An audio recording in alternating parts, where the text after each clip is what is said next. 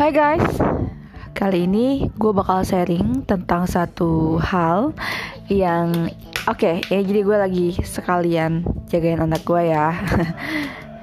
jadi kalau misalnya nanti ada suara-suara yang merdu itu anak gue. Oke, okay.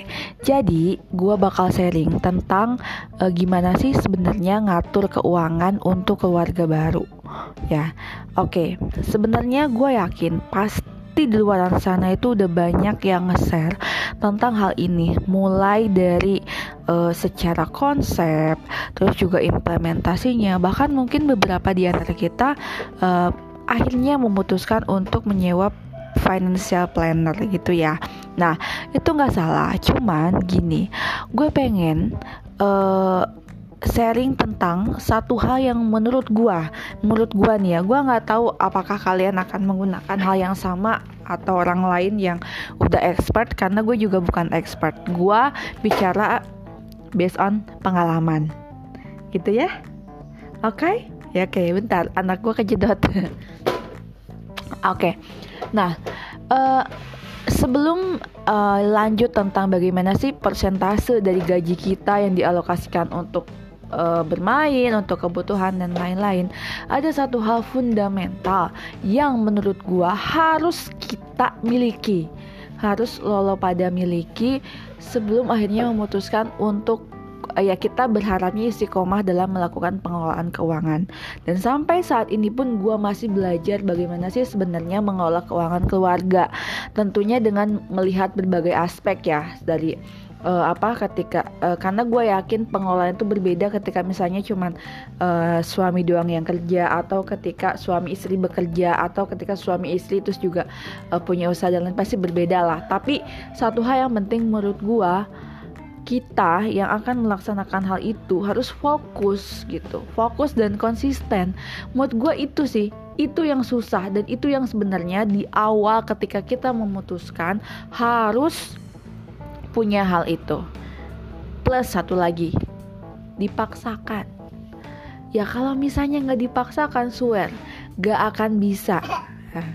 gue nggak tahu ini apakah berlaku bisa berlaku di kalian atau enggak ya. Cuman, cuman nih ada satu hal. Uh, pernah gue baca satu artikel bahwa kita ini harus uh, apa sih namanya harus uh, banyak baca ya benar gitu jadi ini sakit nak? Aduh nak. Jangan digigit nak.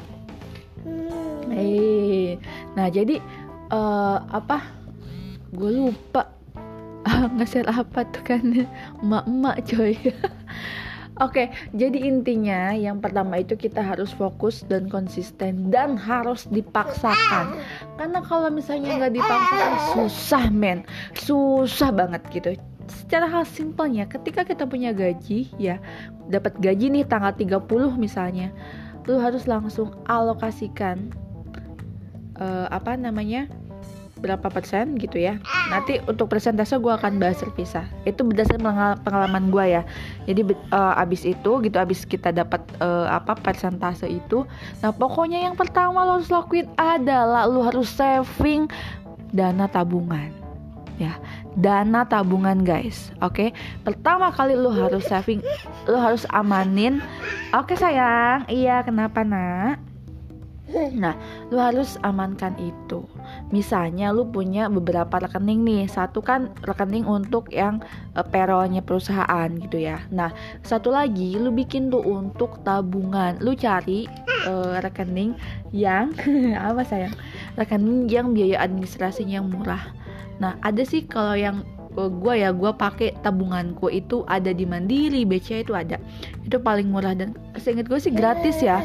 Kalau nggak salah gue lupa dan minimalnya itu 20 ribu doang kalau nggak salah. Tapi untuk pastinya kalian bisa ngecek ke bank masing-masing ya gitu. Itu hal yang penting. Nanti gue bakal sering lagi selanjutnya termasuk persentase yang gue lakukan. Oke? Okay? dadah bye